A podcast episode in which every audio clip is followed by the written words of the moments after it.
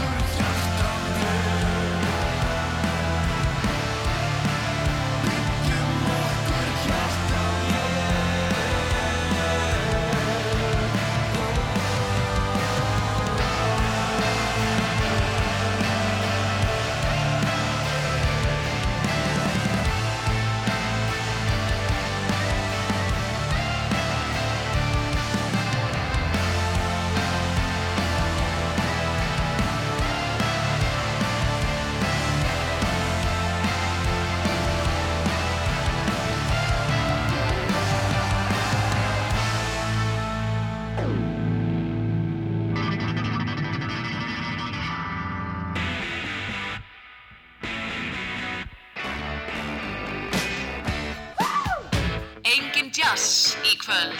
Bara föss.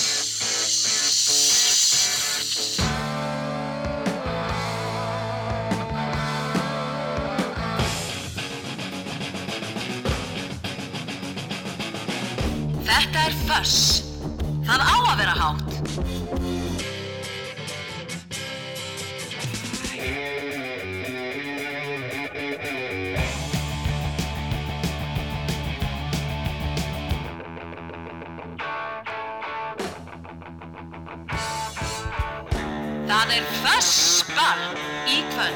Komið þið sæl og blessu, þetta er Föss og það á að vera hátt eins og hún sagði um Margaret vingunum mín en ég ætla svo sem ekki að fara, fara að stjórna því þannig laga hvað þið hafið þetta hátt en, en ef ykkur finnst gaman af góðri músík þá er jú alltaf gott að gott að hlusta svolítið hátt og ef maður hlusta svolítið hátt þá heyrir maður líka ímislegt sem maður hefur ekki kannski heyrt áður. Maður er að heyra lag tíu sunnum eða jafnvel hundra sunnum og svo hækka maður svolítið og þá heyrir maður eitthvað, eitthvað alveg splungu nýtt í því þess vegna er gott að hafa, hafa hátt. En ég heit Ólafur Páls og ætla að spila rock hérna til klukkan tíu í kvöld.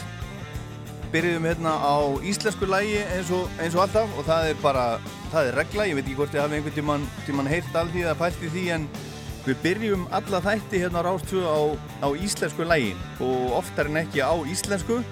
Og þetta er bara svona meðvitu ákvörðun sem hafa tekin hérna fyrir mörgum árum í þeim tilgangi að auka spilun á, á íslenskri tónlist og mér finnst þetta afskaplega afskaplega góð, góð regla. Byrja alltaf, alla þætti og allavega alltaf eftir fréttatíma á íslensku lægi og þetta var hljómsveitin Continuum og nýtt lag frá þeim sem heitir Hjartavél en uh, það fenn nú mest fyrir, fyrir Rolling Stones hérna í kvöld við fáum pistil frá vini þáttarins hérna á eftir og svo ætlum við að opna fyrir Óskalaga Síman klukkan 8 eins og venjulega. En Rolling Stones er svolítið málmálana í dag og, og tilefnið er jú það að hann var að falla frá trommarinn Charlie Watts og ég ákvaði að hafa plötu þáttarins plötuna Tattoo You sem að varð akkurat 40 ára gömul daginn sem að Charlie dó núna í vikunni. Kom út í ágúst. Kom út uh, við, hvaða, hvaða dag var þetta sem hann dó? Sé það ekki alveg, skiptir ekki öllum móli. Hann kom út allavega í, í ágúst árið 1981 og heyrum nokkur lög á henni og ef ekki heyra bara næst upp á slag plötunar, þekktasta lag plötunar. Byrja svona.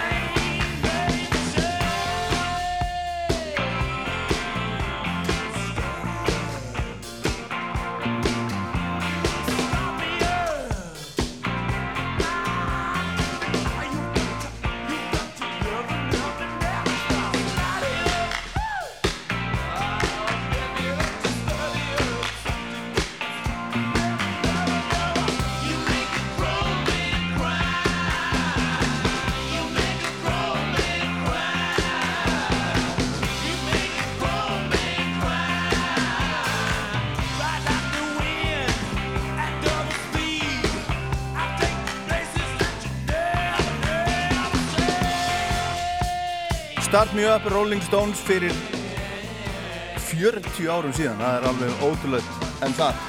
Og ég segi bara, þeir sem að, þeir sem að fíla þetta ekki, þeir bara fíla ekki rock. Þeir bara viti ekki hvað það er, kunni ekki að metta það.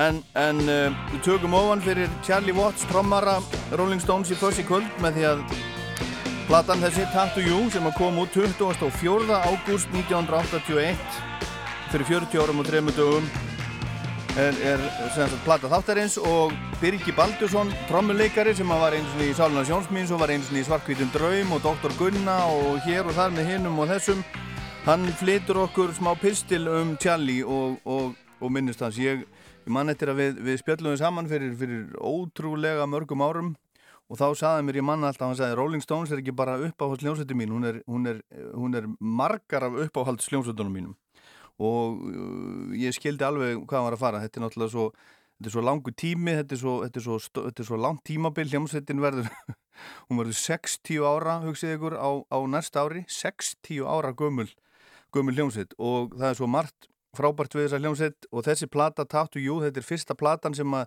sem að ég egnaðist með þeim uh, þegar hún var ný ég egnaðist hana einhverlega vegna ég man ekki hvert ég vekan í ammaliðskjöf eða keift hana þegar ég var 12 ára þegar hún var splungu ný og þetta er bara plata sem hefur fyllt mér alla tíð og ég bara, ég elska þessa blötu og þessa, þessa hljómsveit. Og ég var að skrifa hérna inn á Facebook síðuna mína Um, eitthvað svona að spörja bara, er að byggja fólk um að, um að, um að tjá sig um, um Charlie Watts, hvort hann hafi verið góður trommari og, og hvað hann hafi haft, haft að segja rauninni fyrir þessa, þessa hljómsveit. Ég finnst þetta skemmtilegt komið þar ef þið eru vinið mínir á Facebook með endilega, endilega koma með, með eitthvað ef þið hafið eitthvað um þetta að segja en við heyrum svolítið á þessari plötu og jafnvel eitthvað meira uh, með Stones í í kvöld í þessum þætti og ég ætla að spila bara strax lag nr. 2 þetta var sem sagt lag nr. 1 á anliðinni Start Me Up og svo kemur þetta hérna strax á ettir Hang Fire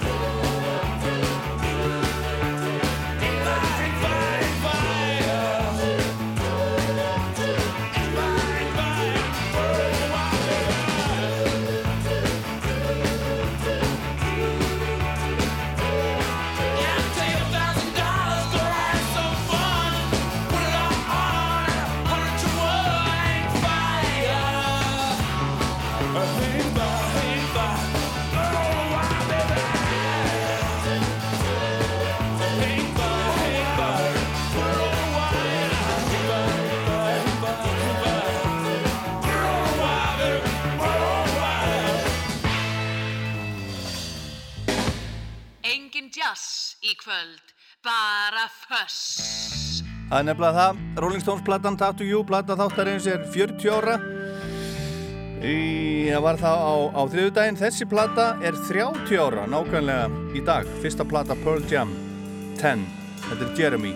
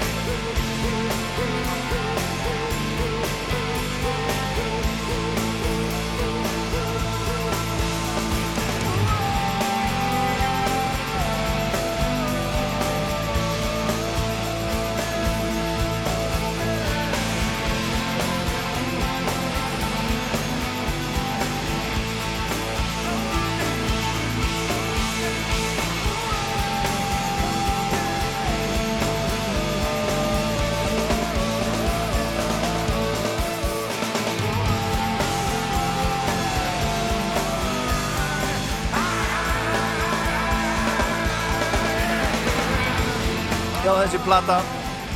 Ótrúlega satt, það er bara þannig. Hún er 30 ára gummul í dag, fyrsta plata Pearl Jam 10 kom út 27. ágúst 1991 og hún vakti mjög miklu aðdekla þessi plata, hún náði hún fór nú ekki herra á breska vinsætlarlistanum en í átjöndarsætin fór allarleið í annarsætið í bandarækjónum og þetta lag var tilnæmt til Grammy-veluna uh, í tveimur flokkum Best Rock Song eða Rock lag ásins og Best Hard Rock Performance. Og svo, svo fekk myndbandið við lagi sem var mikið spilað á MTV það fekk, fekk velun á, á MTV Video Music Awards 1993 myndband ásins og, og Best Group Video eins og það, það heitir. En Charlie Watts hann er maður, maður, maður þáttarins plataþáttarins Tattoo You með Rolling Stones, heyru meira af henni á eftir. Hann var að degja blæsaður eins, eins og allir sem er að hlusta á þennan þáttu vita ábyggilega, hann var uh, áttræður. Hann var áttræður þegar hann dó og það var Rolling Stones er á leiðinni í tónleikaferð og það var búið að segja frá því að hann ætlaði ekki að fara með vegna þess að hann var í einhverju, einhverju aðgerð og, og ætlaði bara ná sér og, og koma svo kannski inn í setna en hann bara er dáinn og það er alltaf, það er alltaf einhverjir að deyja og, og líka tónlistamenn og hann dó um daginn hann, hann Dusty Hill uh, úr CC Top bassalegari CC Top, hann var, var 70 og, og 20 ára. Við viljum heyra hérna gammalt lag með CC Top frá 1975 þetta er svona moll blues, það gerir ekki moll. Þetta er maður sem er búin að týna gallaböksunum sínum og bara er á algjörum bömmur. Blue Jean Blues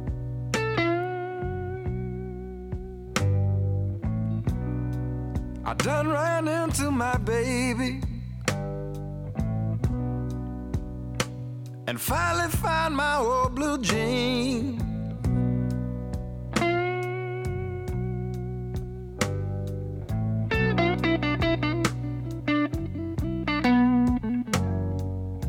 I done ran into my baby. Finally found my old blue jeans.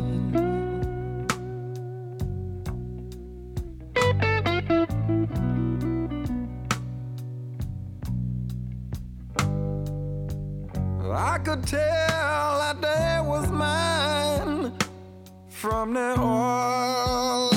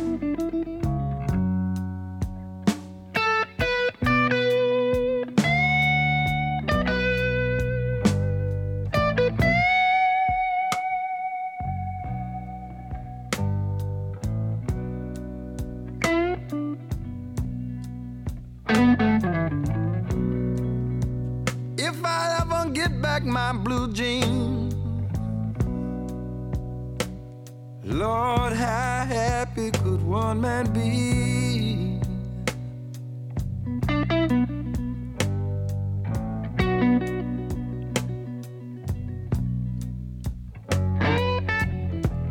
If I ever get back my blue jeans, Lord, how happy could one man be?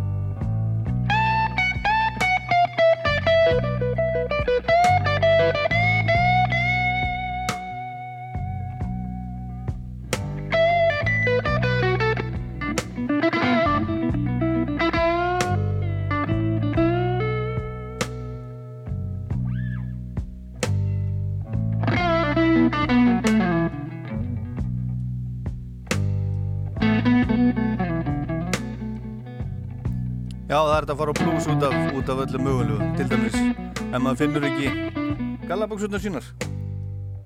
Það er kósi kvöld í kvöld. Þess.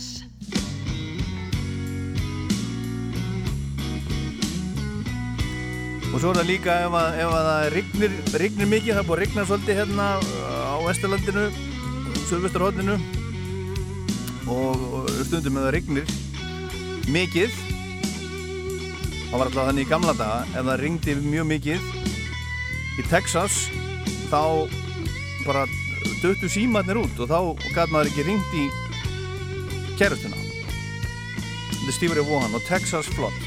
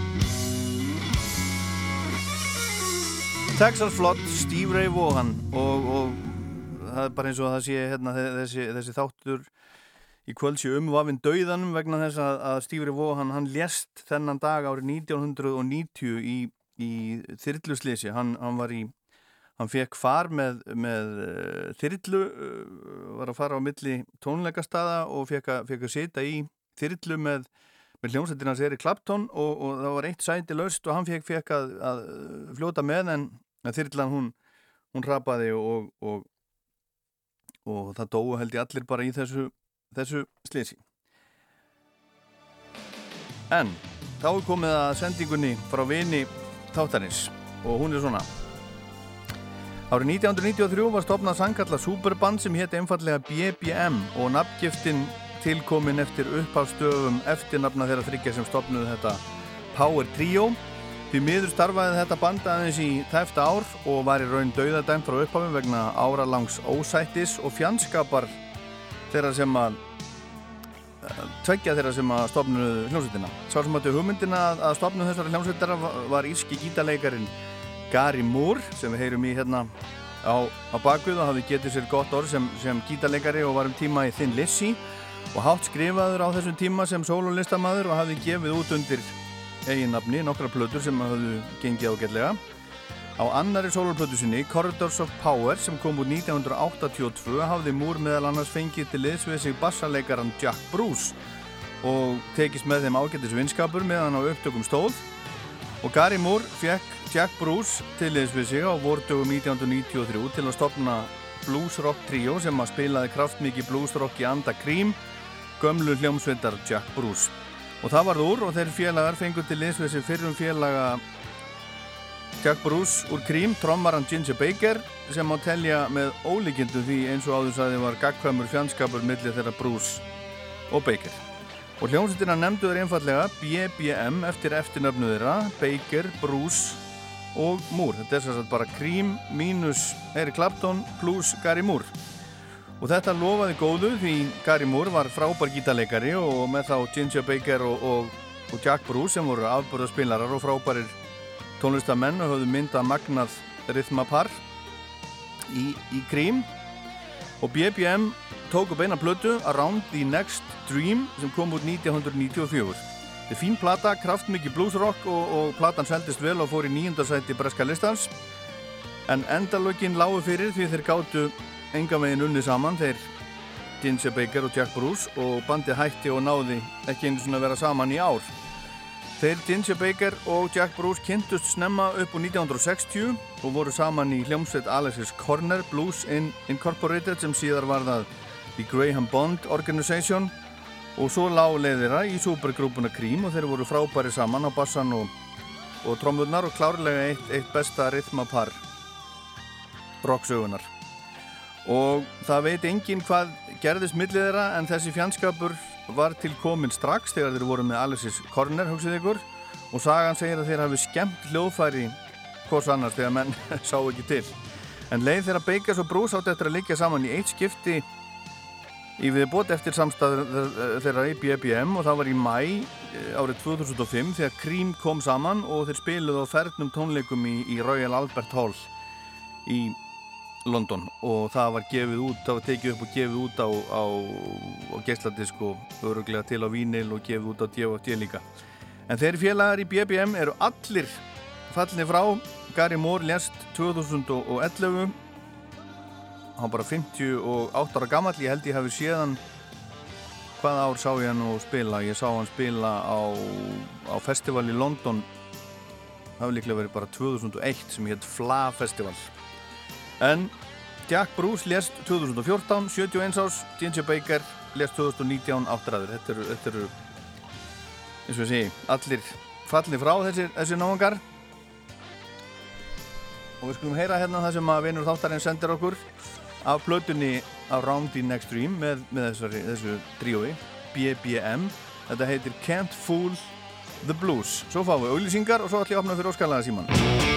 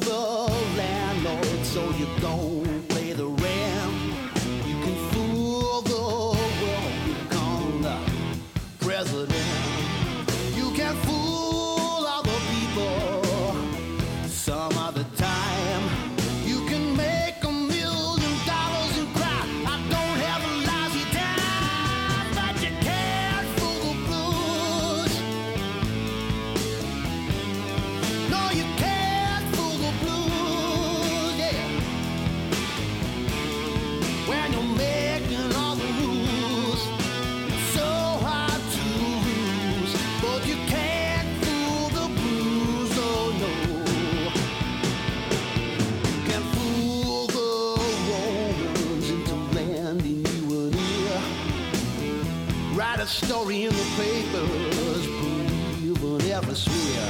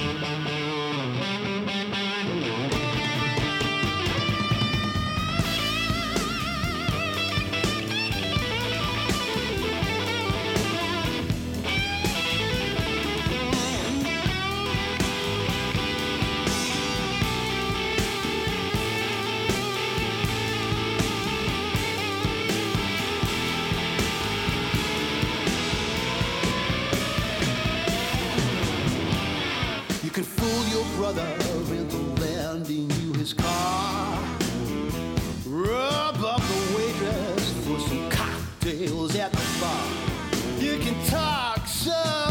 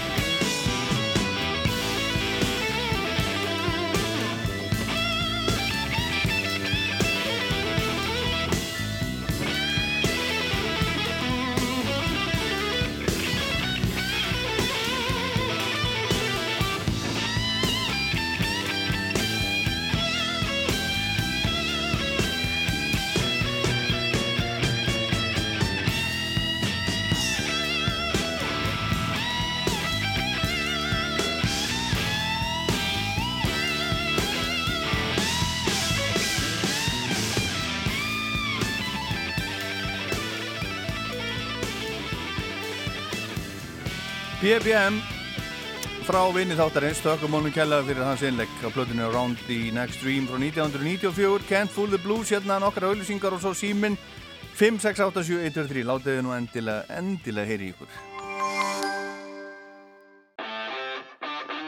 Hjámiðja, höggborvél og sponsbor eigum þetta allt og miklu meira.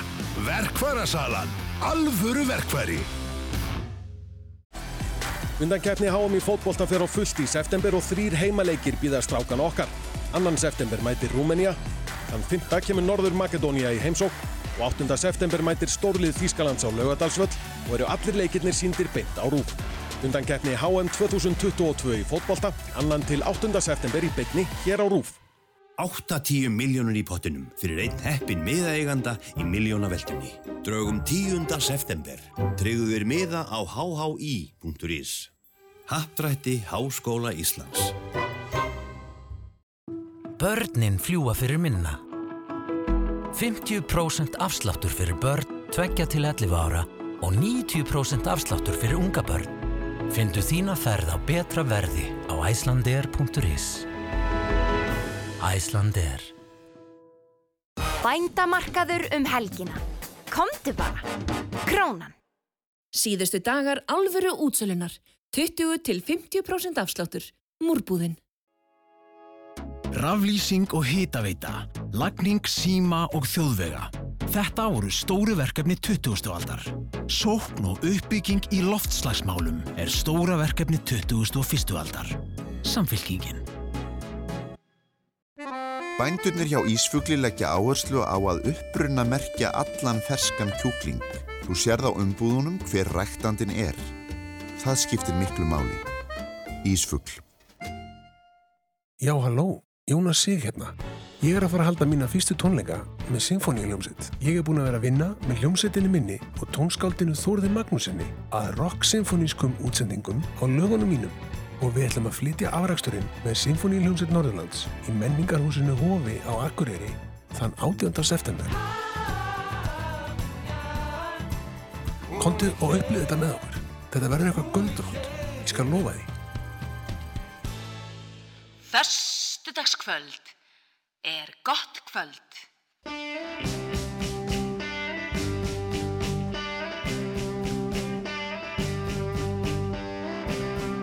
Já, föstudagskvöld er, er, er gott kvöld, er það ekki? Þetta er, er þáttunum Föss, ég er Dólar Páll og hérna spilum við, spilum við bara rock og mest megnis eða mikið, mikið Rolling Stones, Charlie Watts, kletturinn í Stones, trommuleikarin, látin, áttræðar aldri, lést á þriðu daginn, hann hann er okkar maður, okkar mikilvægsti maður í, í, í kvöld og það er fullt af fólki búið að tjá sig hérna á Facebook síðunum minni Ég spurði hérna hversu góður trommari var Charlie Watts og hvaða og hvað skipta hann miklu máli fyrir Rolling Stones og er eitthvað varðið þessar hljómsveit yfir höfuð?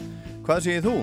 Og svo er alls konar fólki búið, alls konar fólk búið að vera að tjá sig en þetta er svolítið, þetta er svolítið merkileg hljómsveit. Ég þekki fullt af fólki sem hefur gaman að rocki sem að segist ekki ekkert skilja í Rolling Stones og fyrst ekkert varðið í þessar hljómsveit og, og neitt. Ég Ég bara á rosalega erfitt með að skilja það en það er eitt sem ég var að hugsa, ég var að hugsa þetta í dag. Ég veit eða ekkert leiðilegra heldur hann að heyra hvernig hafa við nú orðað þetta?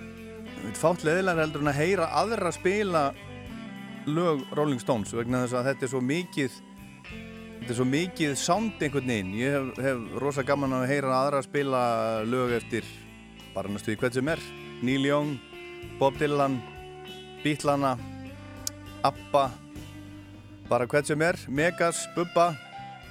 En Rolling Stones er einhvern veginn það er einhver galdur bara í þessari þessari hljómsveit sem er einhvern veginn ekki svo auðvelt að, að, að skapa. Og, og hluta því er auðvitað trommuleikarinn og svo er það þessi tveir gítarar sem að, kallast á hjá já, hvort sem það er, er Keith Richards og, og Mick Taylor eða Brian Jones eða Ron Wood og alltaf einhvern veginn no, no pláss. En Birgi Baldursson trommuleikari hann, hann sendi mér smá pistil um, um, um Charlie Watts. Við heyrum hann hérna, hérna á, á eftir. En nógum þetta í, í byli allavega. Ég bara þannig að það sé alveg að reynu þá, þá er Stones mín hljómsett ég elska þessa hljómsett búin að gera það mjög lengi. En síminn 5687 143 hérna óskalaga síminn. Rock óskalaga síminn í, í Foss. Hver er þar? Já, já, það, já, góða kvöldi fyrir ekki að ég rugglaði svolítið af því að það er bergmálaði hérna í gegnum útvarpið. Já, já, allt í góðu, allt í góðu. Hver er maðurinn? Það er Magnús, heiti ég. Hvaðan ringir þú? Ég ringir úr Hafnafjörði. Já. Og hvað ætlað þú að bjóða okkur upp á? Já, mér langaði nú að heyra hérna Can't You Hear Me Knocking með Rolling Stones. Já, meira Stones. Já.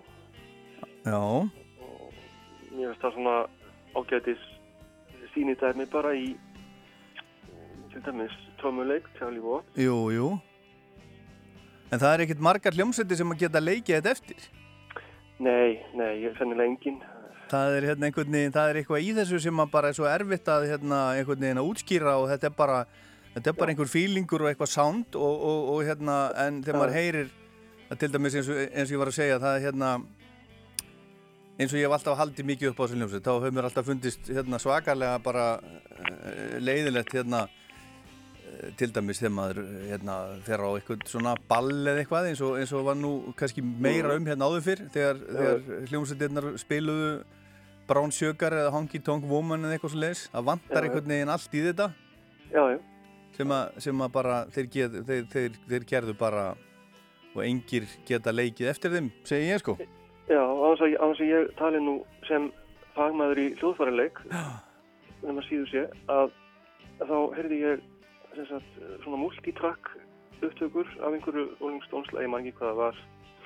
Og maður kann hlusta á sagt, að, aðgreinda sagt, aðskilið sko, trommur, bassa og gítar og allt þetta út og eitt, sko, og hvert track fyrir sig kannski hljómaði kannski ekki endilega svo rosalega hérna svona eh, einhvern veginn, nei en Nei. svo þetta allt komið saman Já, já, bara, það er einmitt málið þetta hangir einhvern veginn saman saman líku við bara á líginni sko já, Já. það er það, er það, sem, það er hlut af því sem gerir þetta svo gott held ég sko. Já.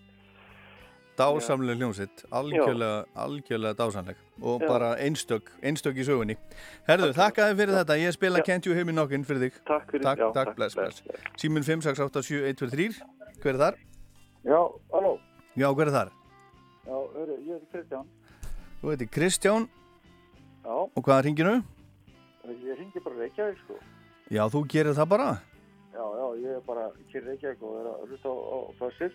Já, gott, gott með Og þig. Takk fyrir góðan þátt. Þetta er sennilega besti þáttur sem ég hef með þér, sko. Þannig að svo far, sko. Nú þakka það kjærlega fyrir. Já, en, en sko, hérna, það eru allir í stónsarunum núna, sko. Já, Mér langar að brjóta þetta svolítið upp já, og, hérna, þetta, hérna, hvort þú getur sagt á, hérna, Let It Be Rock með, hérna, SDC. ACDC, ég var búinn að ákveða að spila, það var eitt sem að, sem að sendi mér hérna rétt á þann eitt vinnu minn, spilaði Highway to Hell núna eða strax. Já, en, ég, en ég var búinn að ákveða að spila Riff Raff en þú vilt Let It Be Rock, það er bara fínt. Já, en sko, en þá er ég að tala um ákveðum útgáðu, sko, það sem að spiluðu live, hérna, bara á, á vörubilspalli í Edinburgh eða eitthvað. Já, Og Bon Scott var með sekja bíkuðsnar, maður taktur þessu. Þú veist allt um já, ertu ekki að meina hérna, nei, það var ekki Let It Be Rock, það var hérna It's a long way to the top if you wanna rock and roll. já, já, já, já, já, já, já, það hárið ekki á þau. Já, þar spilar hann á sekja pípuna sko. Já, þú veist, þetta myndi brjóta sem vel upp, sko. Herðu, þetta er nú samt, þetta- er, þetta er samt sko, þú veist, ef það er einhver hljómsveit sem er sýstur hljómsveit Ro- Rolling Stones, í mínum huga þá er það ACDC. Já, það verið að heyra það. Já, já. Sömulegis, Já. sko, hérna, sko, ég hefði viljað byrja um Wild Wild Horse, sko, en, en það eru, svona... Það er nóg af, nóg af, það er nóg af Stones. Rolling Stones, skilur Já. fyllingur í öllum og, og mann okkar að brjóta hans upp, sko. Já, it's a long way to the top. Ég er mjög mikið á Rolling Stones líka, sko. Já, já. Herðu, þakka þið fyrir að ringja og hlusta. Bless, bless. Sömulegis. Já, bæ. Hver er þar? Já, Góða kvöldið. Góða kvöldi, hver er þar? Það er Sveitnið þér. Já, sæl Sveinn. Og hvaða ringir þú? Akureyri. Já, er það ekki? Jú. Fannst ég kannast, kannast við þig? Jæja. Og hvað ætlað þú að bjóða okkur upp á? Herðu, ég var nú að ræða hérna við vinnafólk áðan Dead Kennedys Já, og hvernig var ég bara að láta vaða á það. ég held að það sé allt í lagi, sko. Er það ekki? Jó. Og hvað með Dead Kennedys? Kill the Poor? Uh, Holiday in Cambodia. Já, Já, akkurat. það er draumafrí eða ekki. Ha. Það er ekki draumafrí. Jó, ég átti einhvern tíma svona barmerki, hérna, hérna Dead Kennedys. Já. uh, Með, hérna, það stóð Kill the Poor. Mér varst það svolítið, svolítið gott. já, Það já. er svona ákveðin brottur í því. Já, já. Herðu. Hann komist hann Angelo hérna til Ísland, sko. Já, já, hann, hann, hann tróð upp á vegum Kitta kanninu á Gauknum og með Já. eitthvað svona, svona stand-up eða, eða eitthvað svona ljóða uh, Já, já, hann var allavega ekki að spila, sko. Nei. Nei, nei. En ég heyrði af einhverju, ég man ekki hver saði mér, hann hefði verið leiðilugur. Já, það. Já. Og ég Já, já. selði það ekki dýrar en ég, en ég Nei. kefti það. Herðu, Dead Kennedys, takk fyrir að ringja. Takk fyrir. Já, takk, bless. Símun 5687123, hver er þar? Halló. Já, já, nú er ég bara að hlusta á sjálfa mig hérna. Óli, er það hlusta sjálf að þig? Já, þú ert, þú ert með mig í gangi, sko, ég heyri mig í mér tilbaka. Ha? Já, já, hann, hann, hann tróði. Óli. Já, Það er Sara Bena. Ef að, ef að lækka kannski útarpinu. Já, hvað gerir maður það? Ég kann ekki að dáta.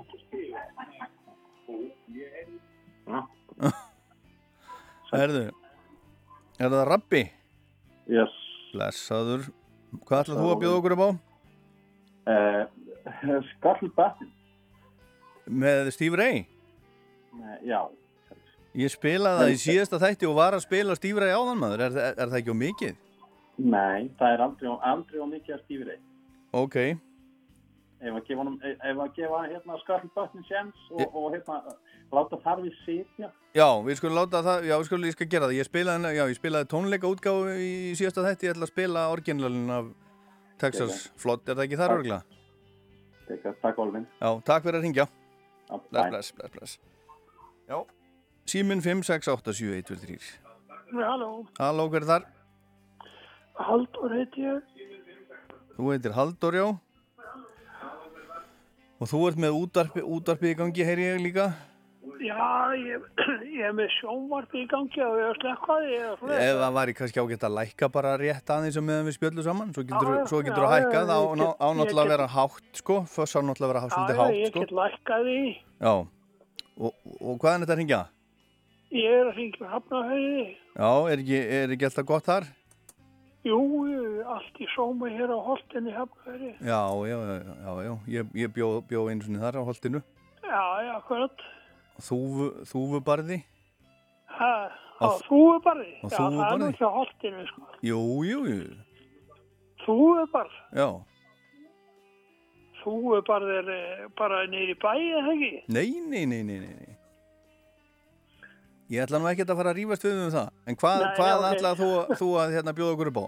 Já, ég var að hugsa um að byggja svona í tilumna gósun og öllu því að byggja um hérna The Immigrant Song eða hérna með Led Zeppelin, svona haldið på það að ég, hvað er ekki komið 50 ár síðan ég var, var á tónleikunum.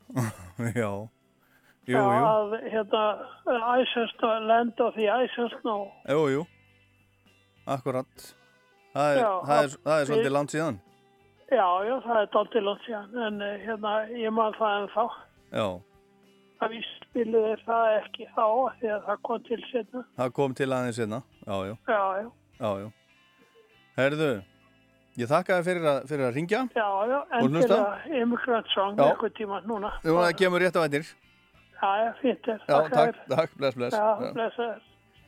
Já, það er, það er, það er lifir, lifir í minningu margar að þessi, þessi tónleikar Led Zeppelin í lögatarsvöll á sínum tíma.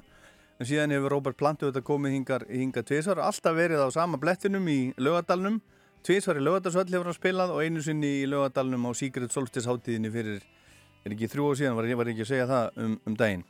En hérna á eftir, e- eitt af því sem við heyrum hérna á eftir er, er, er pistill frá honum Birgi Baldusinni trommuleikara sem var í Svarkvítum Draum og Bless og Dr. Gunna bandinu og, og til dæmis í Sálunar Sjónsmís hann var, hann var þar í, í svolítinn tíma.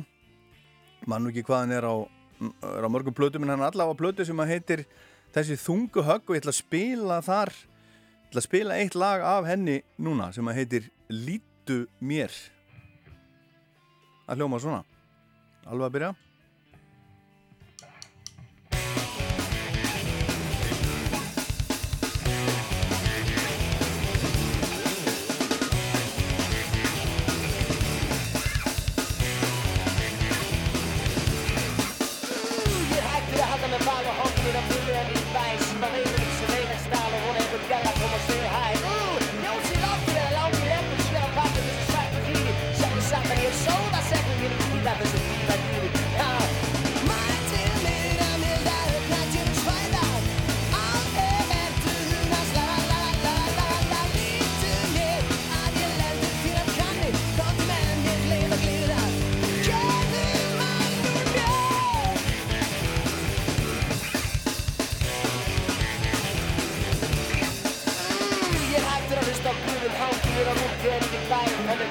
Textistuðu klæðilegu hluti sem undan sagði Svarta syndíana synda sæta Fara ekki fyrir að djúpur hug Miklu merklegur vilja mæta Ég vil bæða þess að gæða flug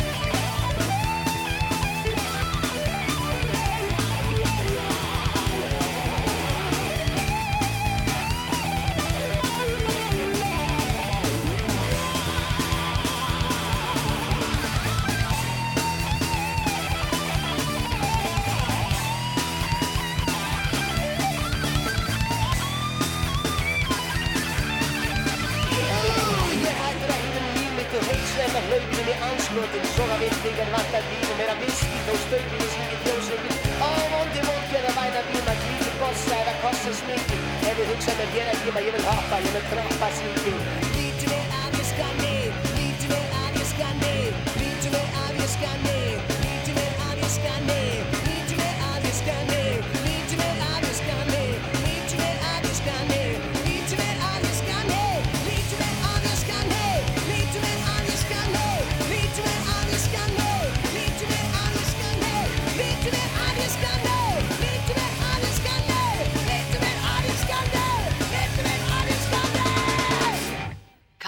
þetta músik, þetta jazz.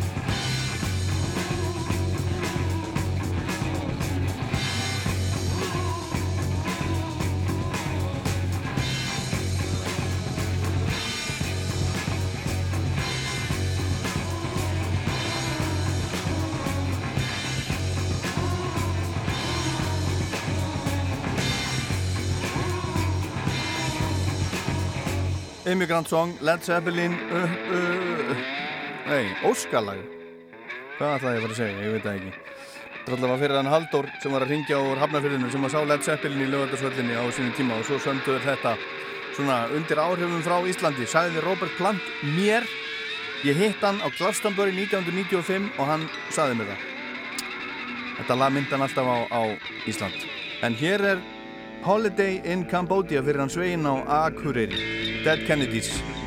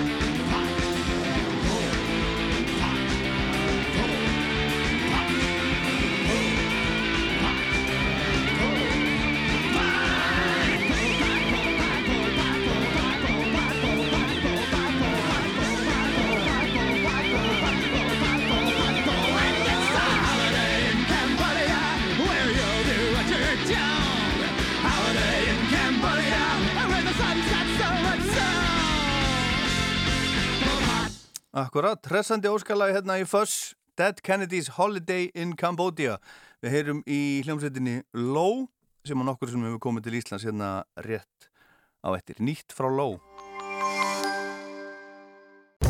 Vertu höfðingi heima að sækja á tjaldsvæðinu í sumar og reittu fram ostabakka hlaðin ljúffengum dalaostum. Dalaostar. Gott handbrað úr dölunum. Geiri lendi í leiðinda slísi og var tímabundið óvinnufær. Hann fekk aðstóð frá Fortis við að greiða úr sínum málum. Fortis fylgir þér alla leið. Capri Sun stígur nú skrefið í áttina að umhverfisveitni umbúðum með papparöri. Capri Sun. Svalandi ávakstadrykkur án allra aukaefna. Með því að flokka pappír og skila honum með réttum hætti til endurvinnslu dregur þú úr urðun, auðlindanótkun og losun gróðurslóftegunda. Vel gert þú. Sorpa. Mmm, misingur. Klassisk snild á brauðið, í sósuna og fyrir útileguna. Mjólkur samsalan. Þú veist aldrei hvar eða hvenar lukkutölurnar byrtast þér. Þess vegna borgar sig að hafa Lotto-appið alltaf klárt í símanum. Til að klára málið. Lotto. Appið okkar. Jæja, hlustendur góðir, þá er sumafríð búið og allir það ekki snýr aftur á dagskrá næstkomandi lögadag kl. 12.40. Við höldum okkur við gamlar og góðar venjur, þið getur hindi síma 5687123 eða sendt mér post með kveðjum og óskalöfum hvað sem þið viljið, hlaka til að heyra í ykkur næstkomandi lögadag kl. 12.40 beint eftir hátegisfrettir. Allir það ekki? Meiri músik, meira þörf.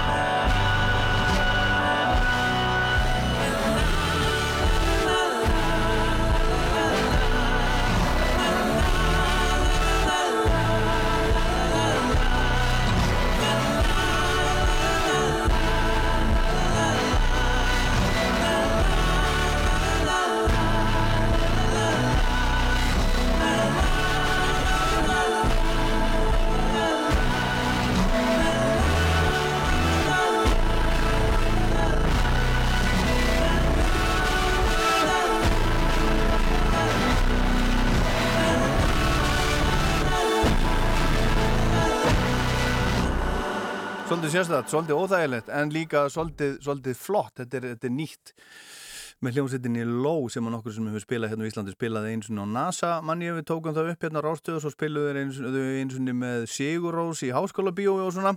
Flott hljómsveit, frábær, frábær hljómsveit. En uh, sérstætt sánd á þessu svona svona stafræn stafræn bjögun, það er ekki oft sem maður hefur heyrt, heyrt svona uh, effekt að nota það í, í músíkan, kannski á eftir að verða meira um það í framtíðin, ég veit það ekki.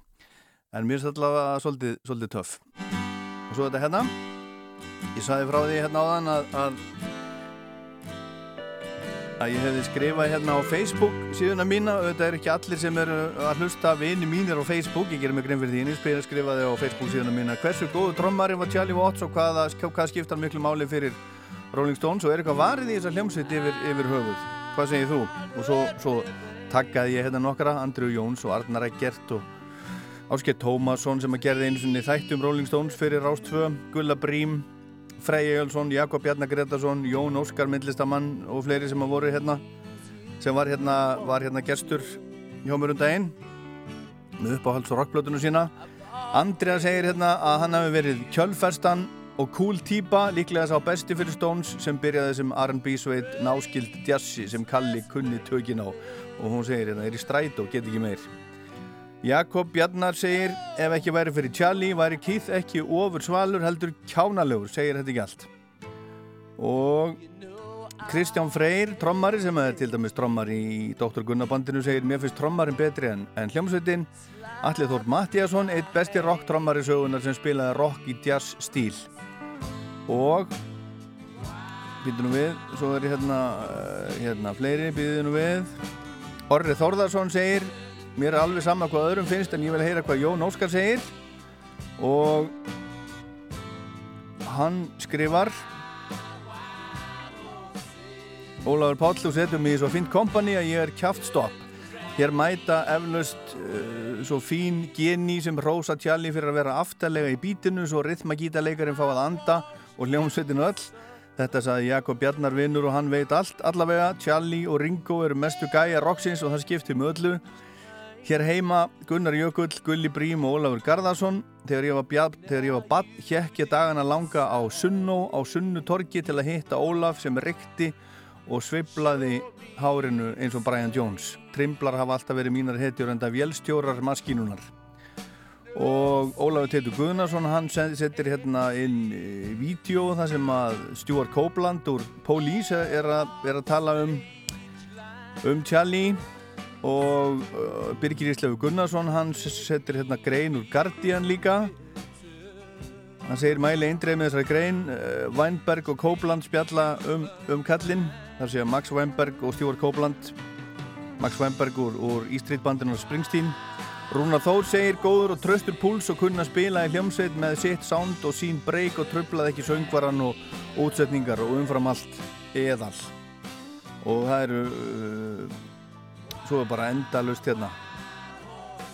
Einar Þóri Jóhansson gítarleikari segir hann var einstakur og með sinn stíl en öðru leiti hef ég aldrei skilið Rolling Stones fyrir utan eitt og eitt lag. Vá, wow, svo er hérna svakalegu pistill frá, frá Gulla Brím Charlie var ómentaðu trommuleikari og lærði með því að horfa á jazz-trommaran Joe Morello meðal annars á hinn sami og spilaði með Dave Brubeck Take 5 Hann var, má segja, eins og Ringo, songdrömmar eða trommari sem spilar lög. Hann sagði sjálfur frá að hann væri bara trommuleikari og einn af heldinni. Helstu taktenginni Tjalli voru að bassatromman lág framalega í bítinu og síðan snýriltromman uh, mjög aftalega. Þetta virðist að virka einstaklega vel fyrir Stones og þessi riff hans Keith keiriði bítið áfram en tókaði svo alltaf aðeins tilbaka með bakbítinu svo allt sati eins og klukka. Þetta eru mikil, mikil, mikil speiki. Hann var taktvis og hjælt bandinu saman í öll, allir í þessari gítarsúpu, Keith og Ronny. Svo voru geggja flottir taktar og trommupartar eins og Emotional Rescue, Sympathy for the Devil og Honky Tonk Woman sem hjálpuð til að gera þessi lög ódöðleg. Einstakur, auðmjúkur og flottu kall sem hjálpaði vinum sínum þegar þeir áttu erfitt, talaði einstaklega vel um félaga sína í Stones, svaf í öllum fötunum á hótelum og ringdi mikið heim í, í konuna, þetta segir Gulli Brím. En plata þáttarins er Tattoo You sem var færtug í vikunni, nákvæmlega daginn sem að sem að uh, Charlie blessaðu dó og ég geti spila hvert einasta lag af þessari plötu ég bara el, elska þessa þessa plötu mjög mikið, mér finnst hún algjörlega algjörlega frábær, en við skulum, er búinn að spila fyrsta og annar lagið á alliðinni Start Me Up og Hang Fire ég ætla að spila bara lag nummið þrjú á alliðinni líka. Það er allt öðruvísi heldur en heldur en, heldur en hinn tvö, heitir Slave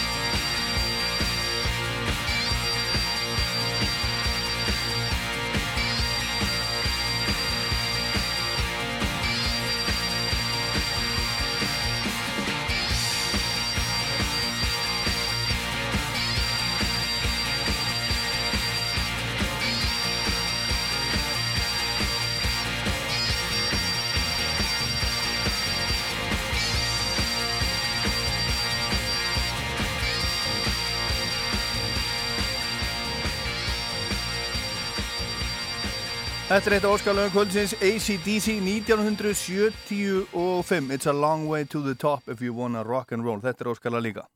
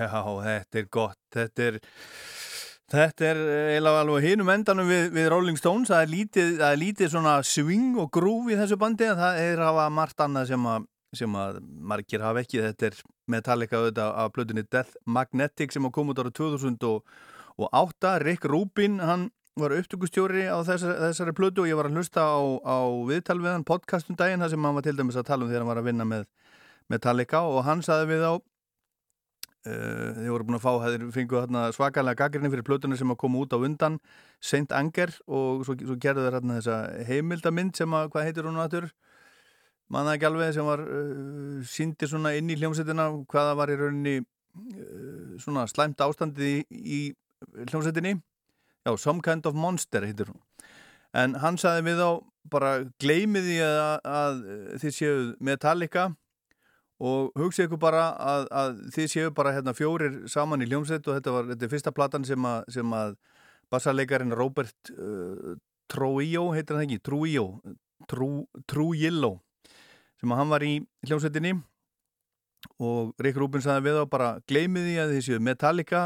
Hugsið ykkur bara þið séu bara fjórir gaurar saman í hljómsveit þið, þið kunnið það sem að þið kunnið og þeir að fara, þeir að fara að búa til lög til þess að fara að keppa í svona hljómsættakepni, Battle of the Bands og bara búið til svoleiðis lög, gleymiðu, gleymiðu öllu öðru, bara búið bara til eins góð lög og þið getið núna og ekkert að pæla í því sem að þið eru búin að gera þessi eitthvað framhald eða neitt svoleiðis og þá kom þessi plata sem að er 74 mínútur og 46 sekundur og mér finnst alveg bara stórfín. Hérna rétt og eftir Birgi Baldursson og, og uh, smá pistill frá honum um Charlie Watts. Málning og viðavörn 20-40% afsláttur. Alvöru útsala múrbúðarinnar er núna. Hlustu á þetta. Viltu vinna gafabref sem gildir á allar myndir í smára bíói, háskóla bíói og borgar bíói, ásamt poppi og gósi og klukkustund í leiktækjasalunum á skemmtisvæðinu? Taktu þá þátt í sumarleiknum inn á ferðalandi.is. Íslandst lambakjöt er engu líkt. Í meirinn 1100 ár hefur glóðarstektur hryggur, lund, læri eða sneiðar verið ómissandi hluti af íslensku sumri. Íslandst lambakjöt náttúrulega gott á grillið. Raflýsing og hitaveita, lagning, síma og þjóðvega. Þetta voru stóru verkefni 20. aldar. Sókn og uppbygging í loftslagsmálum er stóra verkefni 21. aldar. Samfylkingin. Við, ég og þú, erum þöss. Ma, ma, ma, má ég koma inn fyrir? Ótaka! Sveifingin! Ég er einn í lúkanum, svo einn manna, svo árum Með sjálfa mig og gin og klámblöðinn, það er stím og reykjavík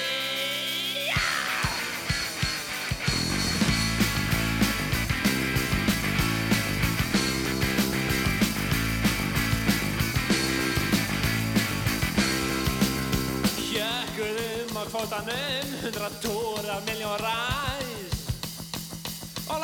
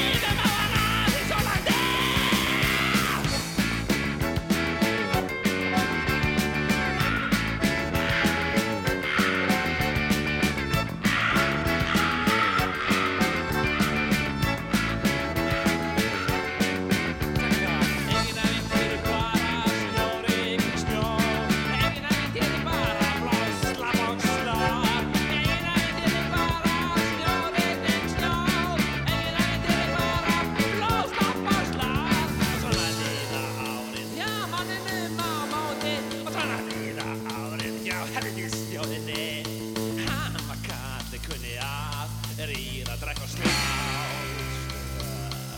Sjóma, sjóma, sjóma slíf, eigin æfinn líf.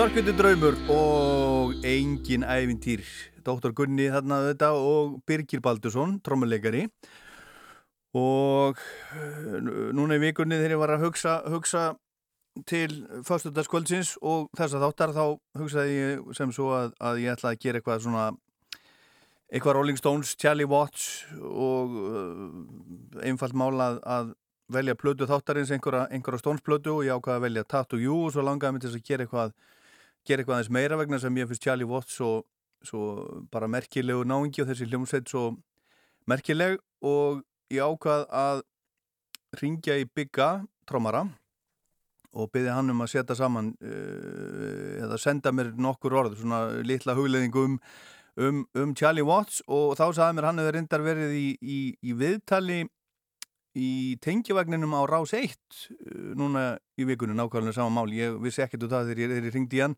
en hann sendi mér smá, smá pistil í dag og við skulum lusta á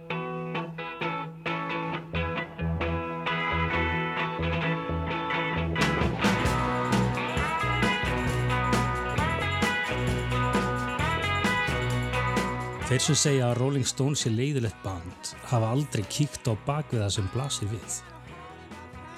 Þeir heyra bara gammið í Mick Jagger og ekkert gítar, bassa og trommu hömp þar á bakvið. Þeir hafa ekki stúderað gítarvefnaðin millir Keith Richards og Ronnie Wood og því síðu glit vefnaðin sem að yðurlega var til í höndunum á þeim Keith og Charlie Watts.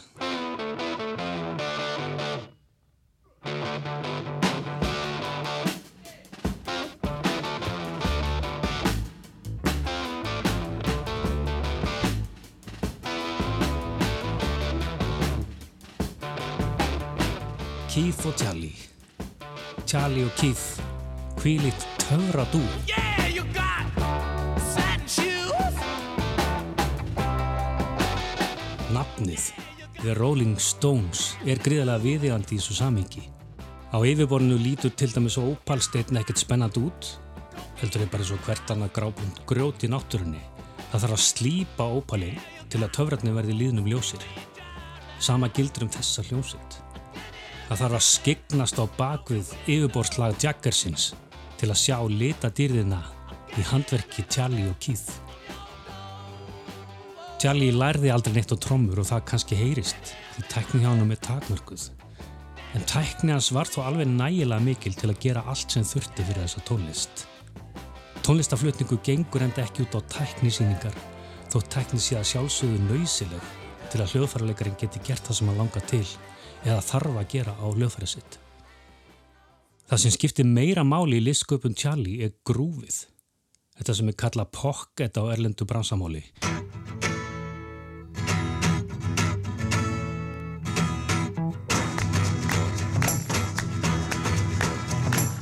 I wanna tell you how it's gonna be.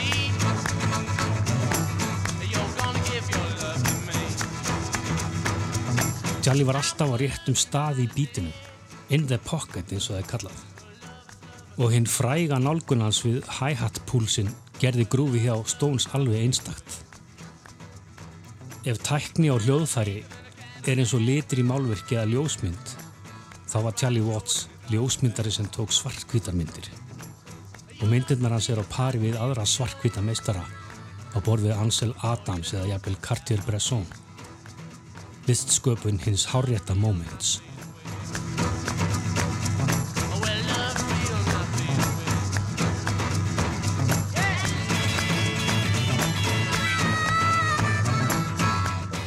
Keith talaði einhvern tíman um það þegar hann mætti frekar snemma á æfingum með Stones og heyrði áður en hann steg út úr bílnum að Charlie var að æfa sig hinum yfir dittnar.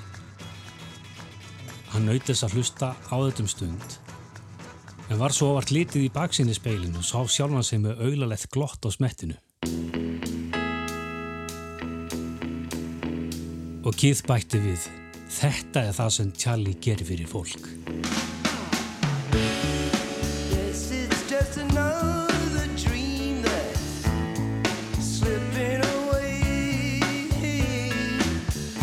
Ég tek undir með Keith. Þetta er það sem að Tjalli gerir fyrir mig. Þetta er það sem Stones gerir fyrir mig. Tjalli var sannu listamæður, en um leið ópalsteitt sem að leikmenn hafa getum tíðin að þurft að rúla svo litið til að koma betur auga á ljóman. Og hvíliku ljómi.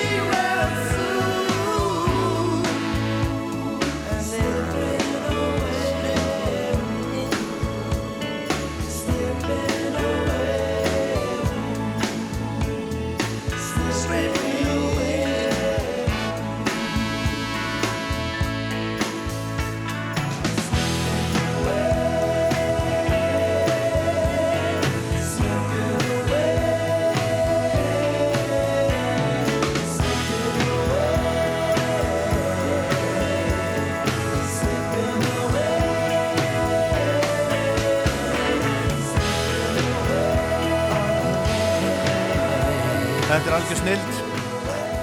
Þetta er nú langt í frá að vera þekktasta lag Rolling Stones en, en þetta er vel valið hjá Birgi Baldurssoni, trommuleikara sem er einn af okkar allra bestu trommuleikurum eins og Charlie Watts.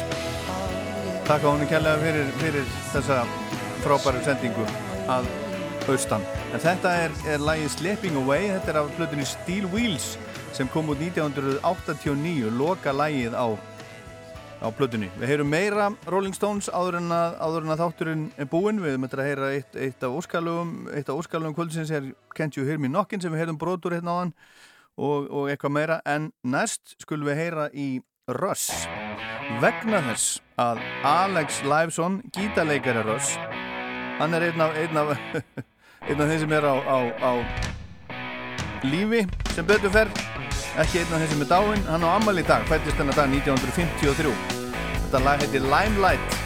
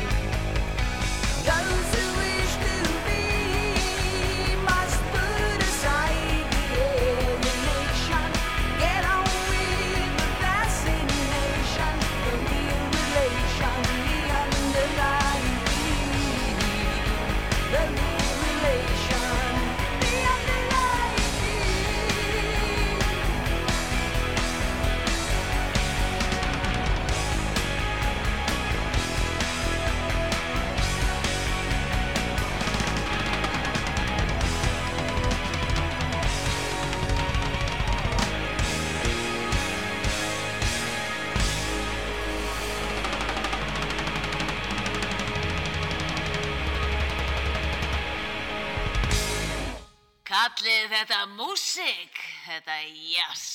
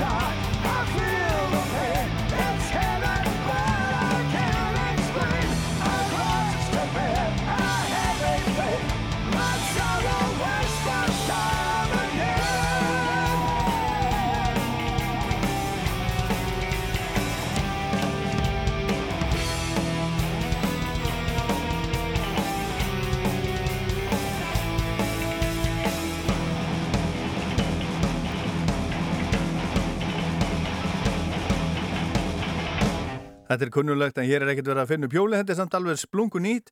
Þetta er Iron Maiden eins og, eins og eflust allir vita sem er að hlusta á þennan þátt. Þetta heitir Stratego þetta lag og annað tveimur lögum sem eru komin út af plötunni, næstu Iron Maiden plötu sem er komin í dreifingu. Hún kemur út eftir viku, 3. september, fyrst henni til viku, má vel verið hún verði bara að plata þáttar í þessu næstu viku, ég veit ekki. En þetta er sem sagt, uh, þetta er 17. plata Iron Maiden, Sen Jutsu heitir hún. Og þetta er, þetta er tvöfalt album eða sagt tveir geisladiskar, ef að fólk mann eftir hvernig þeir eru. Tvöfaldur geisladiskur, þetta eru, þetta eru 8-10 og 1 mínúta tæp og setni diskurinn, það eru fjögurlög á honum og þau eru 7 og 20, 10 og 20, 12, 39 og 11 og 19 þau eru síðustu þrjú lögin þessu löngu lögur öll eftir, eftir bassarleikaran Steve Harris og þeir segja bara í dag við getum bara, bara gert það sem okkur, okkur langar til í dag aðdándar okkar, þeir eru alveg tilbúinir að hlusta á, á 12 mínúta lög með okkur og ég held að sé alveg hár rétt hjá þeim Skulum fá einn eitt sem er ekki alveg svona langt, er samt svolítið langt, þetta er hljómsveitin Opeth og lag sem heitir Eternal Rains Will Come. Þetta er að blödu sem kom úr 2014 og heitir Pale Communion. Smá brokk.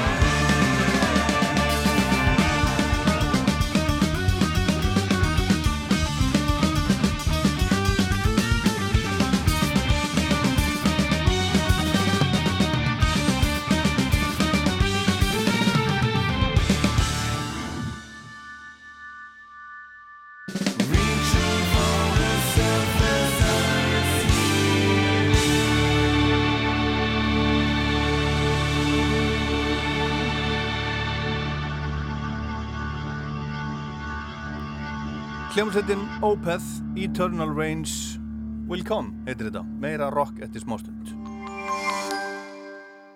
Já, halló, Jónas Sig hérna. Ég er að fara að halda mína fyrstu tónleika með Sinfoni Hljómsveit Norðurlands í menningarhúsinu Hofi á Akureyri 18. september. Kontið og upplið þetta með okkur. Þetta verður eitthvað göndrótt. Ég skal lofa því. Það er opið út til London. Bókaðu flugið núna á flyplay.com. Play. Borga minna. Leika meira. Og svo fór að nýjir ríkistjórnundir fórustu Katrínar Jakobsdóttur var mynduð. Ég hef ekkert brotið það. Ég hef hagað mér aðsnálega og ég er ekkert fyrsti þingmæri í sögun sem að gera það. Ég upplifi þetta sem algjört óbeldi. Að 22 vikna gammal drepi í móðukvið. Auðvitað á fordama lausum tímum. Kannski fyrsta hugsun er svo að það hefði nú verið langbæst að vera bara heima hjá sér. X21. Kostningarhlaðvarp RÚF. Í spilara og á hlaðarpsveitum. Rólegur kúriki, bara aðeins rólegur. Það er fassball í kvöld.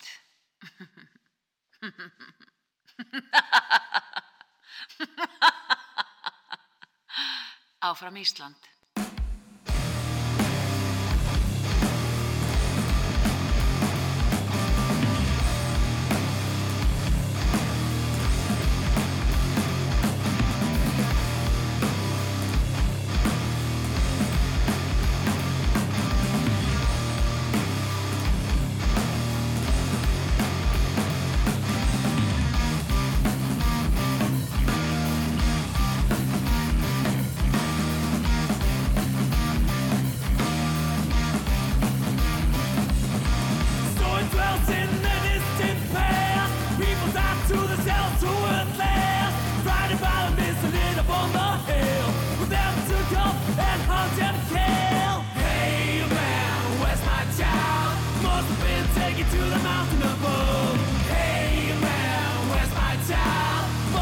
Been taken to the mountain above.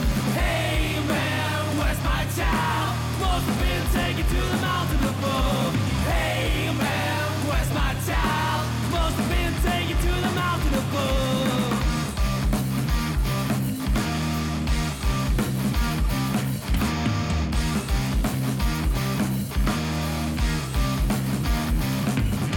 The beneath fear for the creatures to come from the. I'm told to come and crush their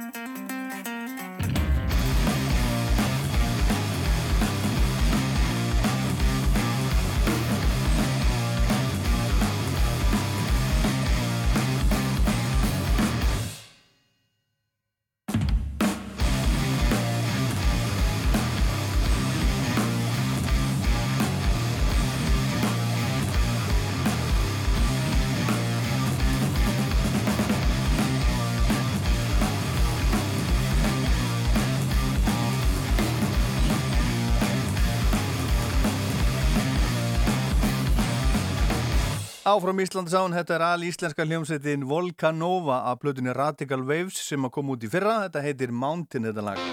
Svo er þetta hérna, árið 1971, platan heitir Sticky Fingers, 50 ára gummur plata. Og þarna er Mick Taylor á gítar með Keith, algjör séni. Óskarlag, eitt óskarlag um kvöldsins, fyrir að Magnús í Hafnarferði, Can't You Hear Me Knockin'?